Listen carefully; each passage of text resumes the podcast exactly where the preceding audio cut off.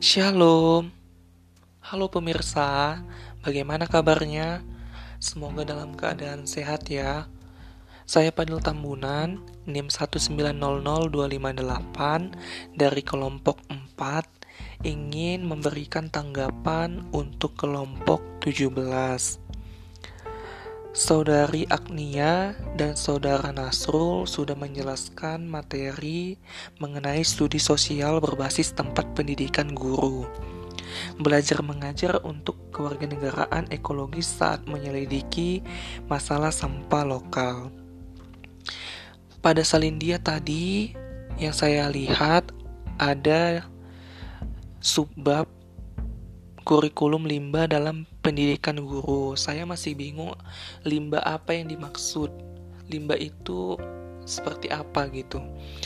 Padahal penjelasan di bawahnya yang dijelaskan mengenai kurikulum eksplisit, kurikulum implisit, dan kurikulum nol. Nasrul juga menjelaskan tadi yang saya tangkap makhluk terhubung dengan cara yang rumit, melintasi waktu dan tempat secara bertanggung jawab.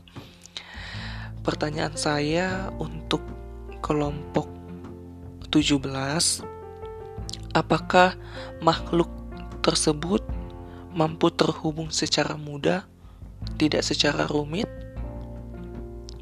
Untuk melintasi waktu dan tempat yang ada itu secara bertanggung jawab.